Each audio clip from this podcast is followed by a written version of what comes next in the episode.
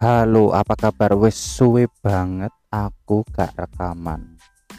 Dan suwe banget aku nggak podcast. Setelah beberapa lama, wes pokoknya banyak sekali cerita yang kepingin aku bagi kepada para pendengar. Salah satunya adalah tentang COVID. COVID ini udah sangat-sangat uh, meresahkan ya. Tapi kita ya awak dewe itu gak oleh sampai uh, terlalu ketakutan terhadap COVID ini. Kita tetap harus waspada, tapi janganlah sampai kita itu takut gitu, sampai berlebihan itu malah membuat uh, secara tidak langsung itu membuat imun kita itu jadi buruk seperti itu. Perlu kalian tahu, aku juga sudah pernah mengalami di fase drop banget karena positif. Yo, ngene-ngene aku iki wis alumni wis kalau Covid itu dan sampai saat ini saat aku rekaman ini itu yang belum pulih adalah batuk keringku. Gitu. Nah kalau aku rekaman kayak gini nanti ketika aku uh, sedikit batuk gitu ya itulah uh, efek dari covid itu yang dari badanku itu belum belum sembuh. Tinggal itu aja gejala yang belum sembuh. Tapi uh, aku sudah bisa beraktivitas. Aku sudah punya tenaga untuk beraktivitas. Jadi ya aku nggak mau berdiam diri terus di rumah. Tapi aku juga tidak menghiraukan untuk tetap menjaga protokol kesehatan. Selalu jaga jarak selalu pakai masker. Di mana-mana kalau mau masuk apa-apa cuci tangan kayak gitu. Bawa hand sanitizer ke mana-mana. Selalu minum vitamin C aku mau bagi ya pengalaman aku saat aku kena covid rek. Rasanya itu bener-bener susah. Apalagi posisiku sekarang di Semarang itu tinggal sendiri. Aku kerja di Semarang itu aku tinggal sendiri di kos. Nggak ada saudara di Semarang ya yang aku andalkan adalah teman-temanku kerja gitu. Di sana eh, maksud aku di di Semarang saat aku kena covid itu rasanya itu badan itu menggigil demam ya kayak ngreges ngono lho rek. Rasanya ku gak enak. Isok-isok badanmu telapak kakimu eh, telapak tangan itu rasanya dingin tapi badanmu itu beda panas gitu. Terus kepalamu panas kayak gitu suhu tubuh panas. Tapi anehnya telapak kaki telapak tangan itu dingin. Panasnya itu uh, naik turun rek. Jadi uh, misal jam berapa gitu udah turun nih panasnya udah turun tapi lemesnya itu masih. Jadi lemes seperti nggak punya tenaga sama sekali gitu. Untuk bangun aja susah. Terus uh, setiap jam 2 malam itu setiap jam 2 malam atau jam 1 sampai jam 3 lah paling enggak itu selalu terbangun. Otomatis selalu terbangun. Itu bukan kenapa-napa itu karena badanku mulai panas lagi mulai greges lagi mulai menggigil lagi seperti itu. Mungkin karena efek e, obat paracetamolnya itu obat penurun panasnya itu sudah habis di jam di jam-jam itu. Kan kalau sebelum tidur itu aku selalu minum obat penurun panasnya dan obat-obat lainnya. Nah itu setiap jam 1 sampai jam 3 itu paling enggak aku selalu bangun terbangun dengan sendirinya. Wes gak karu-karuan rasanya. Mau minta tolong ya mau minta tolong siapa? Nah itu selama tujuh hari full itu aku isolasi mandiri isoman. Tuh, terus lek apa cak? Carane uh, mangan suple makananmu? Yo aku ngandel no koncoku ono koncoku wedok iku uh, kosnya nggak jauh dari tempat tempat kosku ya, jadi setiap hari ya aku titip makanan kecuali sarapan. Kalau sarapan ada tiap hari tiap pagi itu ya jam 7 itu sudah ada uh, bubur ayam yang lewat di depan kosku. Nah itulah aku pesen ke uh, apa maksudku aku beli bubur ayam itu tiap pagi lalu makan siangnya nanti diantar sama temanku makan malamnya juga diantar kayak gitu. Terus seperti keperluanku beli obat beli vitamin itu ya temanku wes. Jadi aku nggak ke mana-mana. Wes pasrah aku ngasih uang berapa gitu ke dia. Berapa ratus ribu terus ya udah dia yang manage ke uh, beliin makan aku terus beliin apa beliin minum ah beliin teh hangat belikan jahe atau beliin pisang lah beliin jajan lah kayak gitu. Is kalau nggak ada dia mungkin aku ya udah kayak udah lewat lah mungkin ya. Karena mungkin nggak ada support gimana ini nggak ada support nggak ada uh, apa itu saudara kayak gitu tiap hari aku kirim perkembanganku ke saudara saudara saudaraku yang ada di Surabaya dan di Kediri. Aku foto wajahku foto karena aku juga sempat mataku itu memerah banget. Seperti orang iritasi mata seperti orang sakit mata seperti itu. Jadi matanya merah banget semerah-merahnya. Terus suaraku habis habis habisnya nah ada suatu ketika waktu aku isoma itu kan aku juga WFA tuh. Aku memutuskan diri untuk WFA ngomong sama pimpinanku. Diizinin. Nah ada suatu saat uh, pimpinan ngajak rapat di Zoom. Nah di situlah aku ikut uh, zoomnya. Ini kalau ke suaranya sampai masuk sih. Itu ada suara ambulan nih barusan lewat. Ya aku lanjut lagi. Uh, zoom rapat gitu. Adalah giliranku ngomong. Terus sampai pimpinanku tuh bilang gini udah udah aja kamu istirahat aja. Nggak tega aku denger suaramu kayak gitu. Karena suaranya hilang terus serak-serak gitu udah udah uh, gimana ya? Ya kalau aku denger suaraku sendiri sih juga miris gitu ya udah udah gak karu-karuan tuh. Kayak gitu. Terus kondisinya tuh parah banget. Di wilayahku kos ini itu hampir setiap hari itu kita dengar masjid itu mengumumkan orang meninggal sehari itu bisa dua kali tiga kali. Dan aku selalu mendengarkan dengan baik banget pengumuman di, duka dari masjid itu. Eh, hampir semuanya itu eh, diinformasikan kalau eh, meninggal di rumah sakit lalu langsung dikuburkan di eh, pemakaman. Jadi tidak dibawa ke rumah dulu. Dan kalau indikasinya seperti itu pengumumannya seperti itu nah indikasinya adalah ya di wilayah ini di wilayah yang saya tempati itu banyak ya banyak yang positif.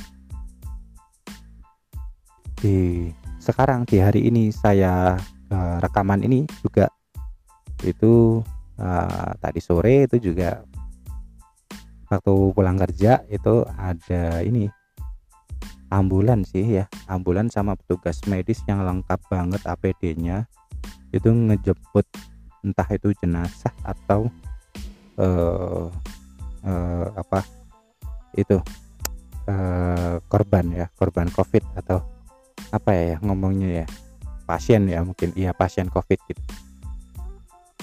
Seperti itu rasanya tuh mencekam terus tiap harinya tiap hari eh, di tempat aku kerja atau di tempat kosku ini dengar tiap hari itu ada ambulans lewat. Ya sirine ambulan itu tiap hari. Terus uh, uh, uh, pengumuman orang meninggal juga hampir tiap hari.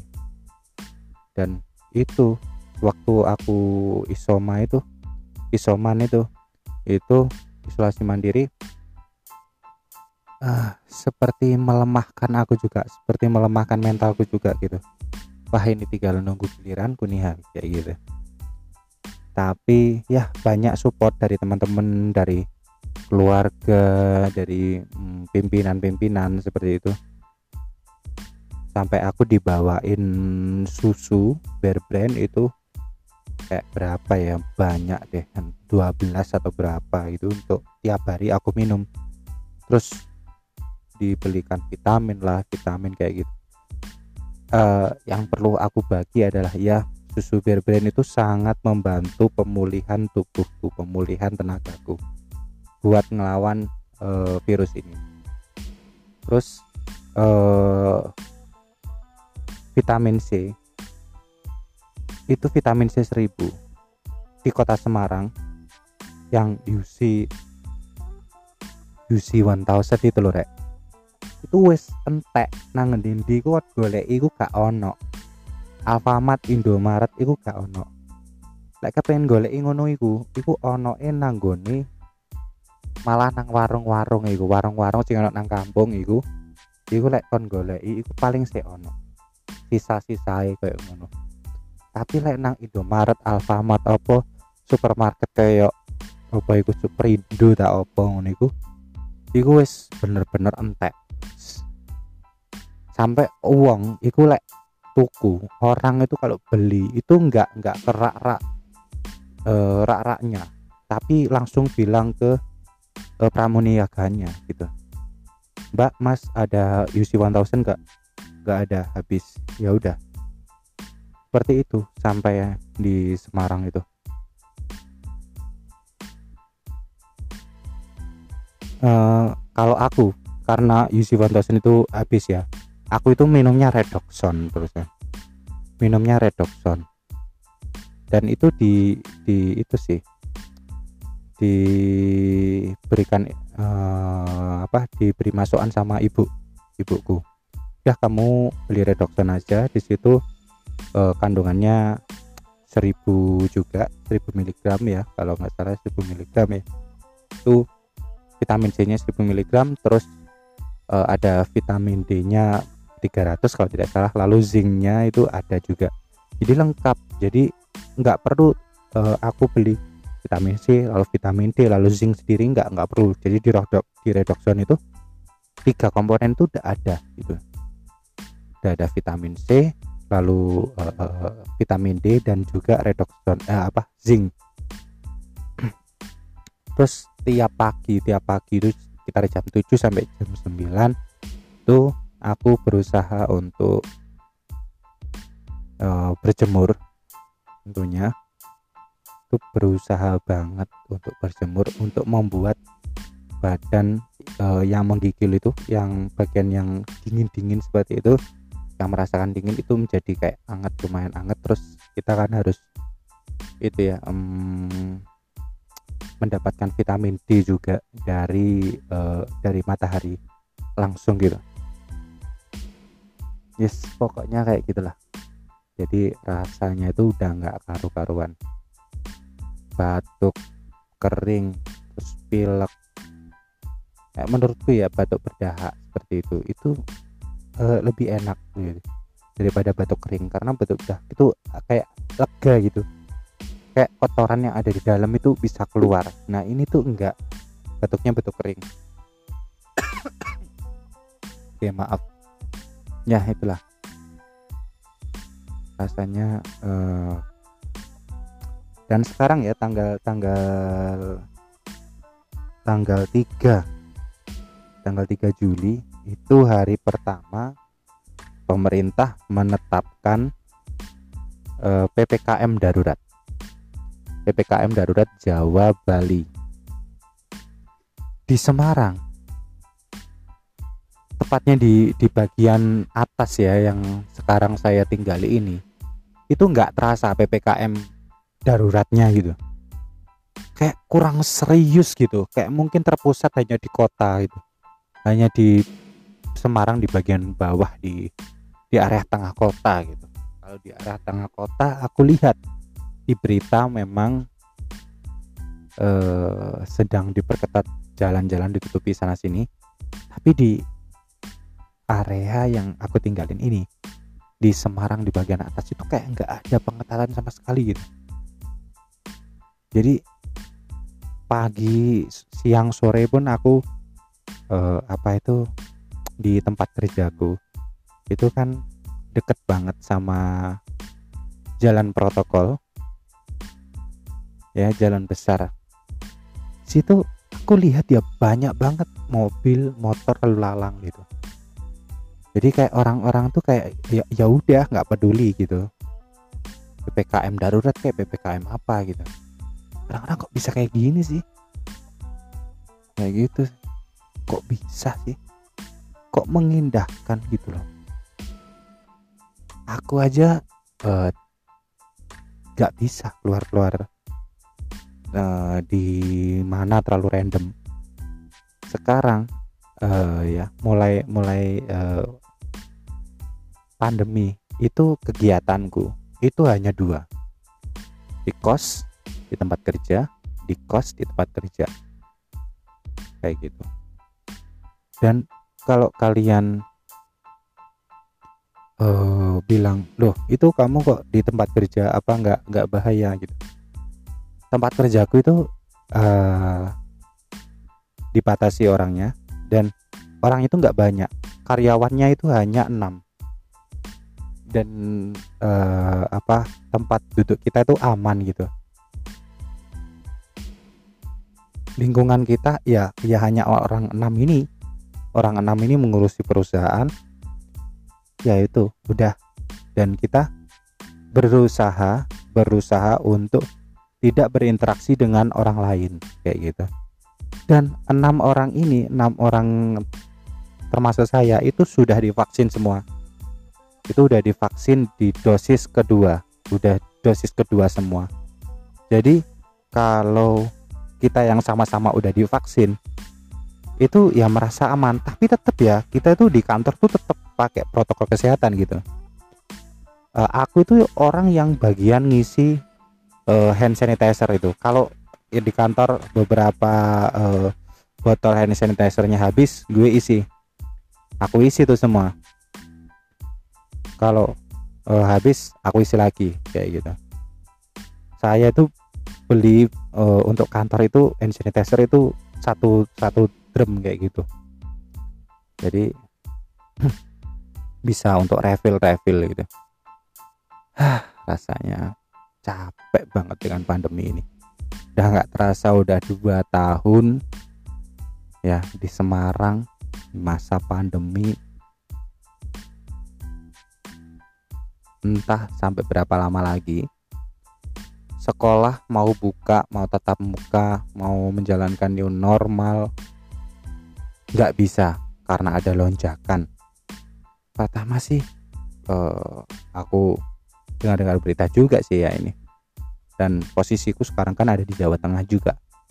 Itu lonjakan terbesar pertama bu bocornya Indonesia ini itu dari Kudus. Dari Kudus itu melonjak sangat tinggi zona hitam di Jawa Tengah ini. Jadi daerah Kudus, Pati, Jepara itu udah zona hitam gitu. Masyarakatnya pada saat itu ya namanya juga masyarakat daerah, masyarakat desa ya. E, mereka tidak terbiasalah menggunakan protokol kesehatan lalu menggunakan masker ya banyak yang bandel juga gitu. Ya sama. Ya eh, masyarakat kota juga juga demikian. Walaupun ya tidak karena masyarakat kota mungkin pendidikannya lebih baik terus habis gitu uh, himbauan di mana-mana. Jadi uh, mungkin kesadarannya agak tinggi gitu.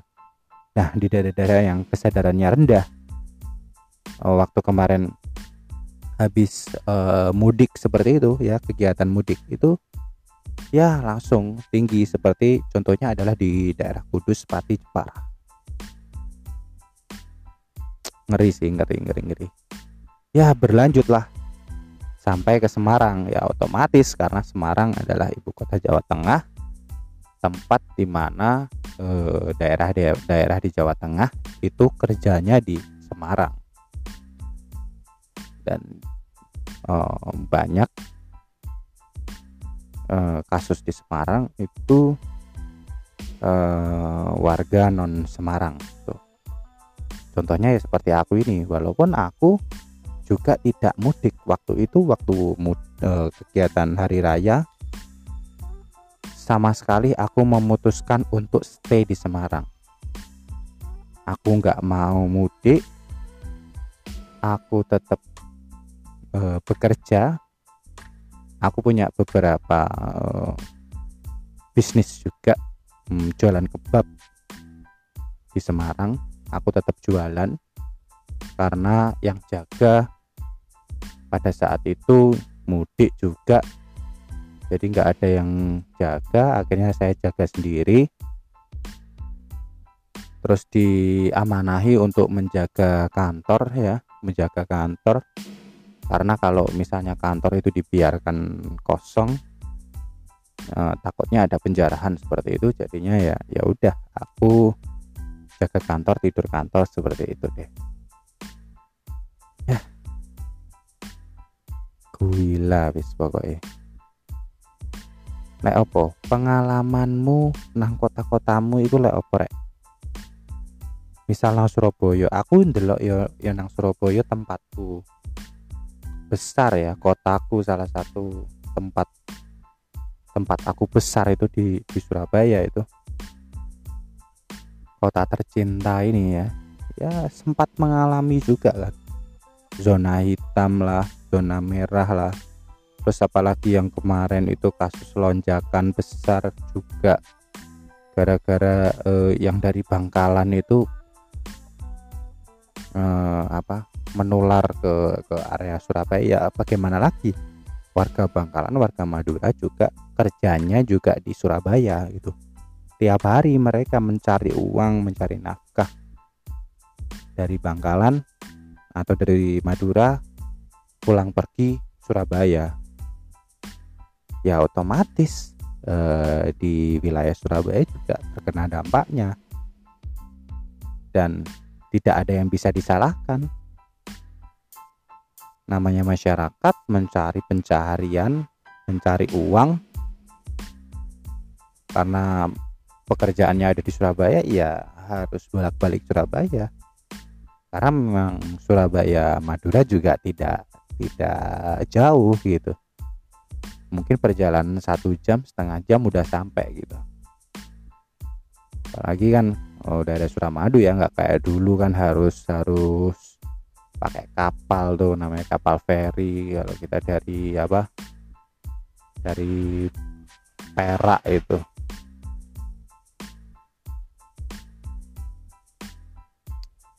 Ah ya. Itu kasusnya sampai viral ya. sampai viral di TV itu ya. Sampai dibuat joke sama Coki sama Muslim. Karena uh, disekat di di jembatan Suramadu. Ya itulah polemik ya, polemik di masyarakat kita. Pemerintah ingin menjaga supaya tidak ada lagi eh, kenaikan kasus sedangkan masyarakat juga tidak bisa jika tidak melakukan perpindahan tempat untuk menahan diri untuk tidak berpindah tempat juga tidak bisa. Karena ada masalah pekerjaan lah masalah apalah banyak sekali. Ya tugas pemerintah untuk mencari jalan tengah. Untuk kasus-kasus COVID dan masalahnya. Lalu kita sebagai masyarakat yang taat terhadap hukum, masyarakat yang yang mencintai negeri ini, yang uh,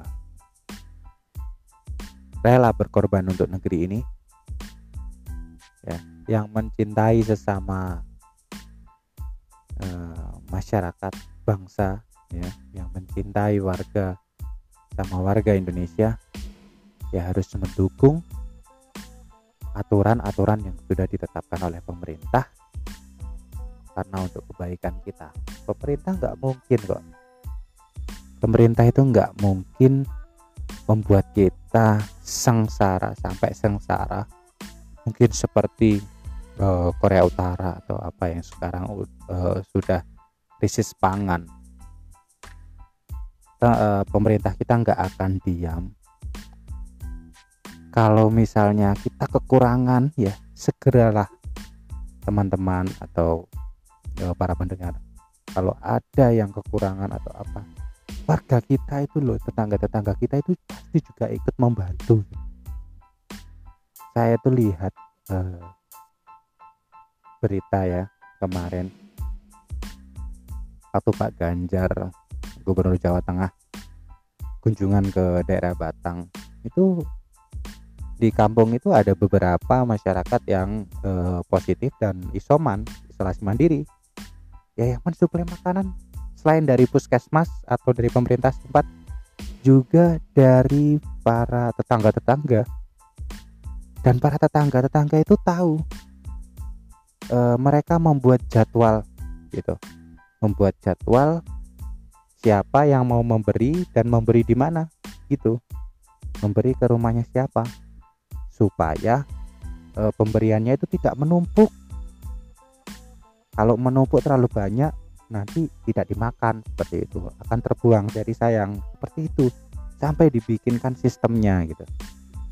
Itu namanya jogo tonggo kalau di Jawa Tengah. Sistem jogo tonggo. Nah ini perlu dicontoh teman-teman. Perlu dicontoh supaya kita menjadi masyarakat yang baik, yang arif, yang rukun, yang gotong royong, jogo tonggo bisa menjaga tetangganya gitu. Pasti perangkat-perangkat desa, perangkat-perangkat RT, RW, kelurahan, kecamatan itu juga nggak tinggal diam. Kalau ada warganya yang terjangkit COVID, uh, hasil tesnya positif atau uh, ada indikasi-indikasi dan dia melakukan isoman dan laporan pasti kita akan dijamin makannya. Dijamin obat-obatannya seperti itu. Dan uh, pasti gratis. Pasti kita juga diberikan bantuan mungkin bantuan langsung tunai dan lain-lain gitu. Jadi ya marilah kita bersama-sama menahan diri menahan diri dan uh, memantapkan diri kita bahwa kita itu hidup di sini tuh nggak sendiri. Ada orang-orang yang peduli di sekitar kita ada orang-orang baik di sekitar kita gitu. Sebenarnya covid itu tidak tidak mematikan gitu bagi kita yang sehat-sehat aja yang tidak punya komorbid yang tidak punya penyakit bawaan usianya masih muda dan kita sering beraktivitas mungkin olahraga atau apa dan kalau kita terjangkit ya kita akan merasakan eh, apa itu namanya mungkin eh, indikasi-indikasi eh, penyakitnya tapi kita bisa melawan itu bisa melawan itu semua.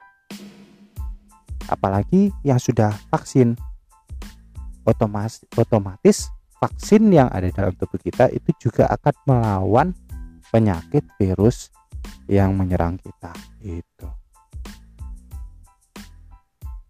kalau teman-teman belum vaksin ya segera sekarang setelah mendengarkan podcast ini ayo teman-teman searching di internet wilayah kalian itu melaksanakan vaksin di mana dan kapan dan siapa yang memberikan vaksin itu bisa dinas kesehatan atau lembaga-lembaga yang lain ikuti daftar dan vaksin secepatnya. Jangan sampai menunda vaksin. Gitu. Kalau ada kesempatan vaksin, ayo vaksin. Saya sudah merasakan sendiri. Sebelum saya terkena COVID, saya sudah vaksin dua dosis terlebih dahulu. Itu saya kena kena COVID tidak lama uh, penyembuhan masa penyembuhanku hanya sekitar satu minggu saja setelah aku sudah uh, sehat kembali terus uh, uh, tenagaku juga sudah pulih ayo kita sama-sama jaga diri jaga lingkungan sekitar kita jaga tetangga-tetangga kita jaga orang-orang yang kita sayangi orang-orang serumah teman-teman kita di kantor teman-teman kita di di kampung. Semua adalah bagian dari kita. Kita harus bersatu untuk melawan virus ini. Supaya apa? Supaya Indonesia juga lekas untuk lepas dari masa pandemi ini. Oke terima kasih sudah mendengarkan. Aku cat mau wes buat ini. Suon banget. Aku wes dirungokno. Bahasaku saiki yo campur-campur kayak gini aku wes wis sak seneng lah ngomong kaya apa. Aku ngomong bahasa Jawa ya iso. Ngomong Surabayaan ya iso. Ngomong bahasa Indonesia yo yo wis pokoknya tak campur-campur senyamanku ya aku harapkan kalian juga bisa nyaman saat mendengarkan aku. Ya karena guyu-guyu titik ngono ya kak apa mes-mesem iki apa sih cak aja yuk campur-campur. Tapi yo gak apa-apa lah yo wis. Karepmu lah. Awak dewi bersatu udah sampai covid iki melemahkan awak dewi. Awak dewi kudu kuat ngadepi. Oke wes ngono ae. Suwun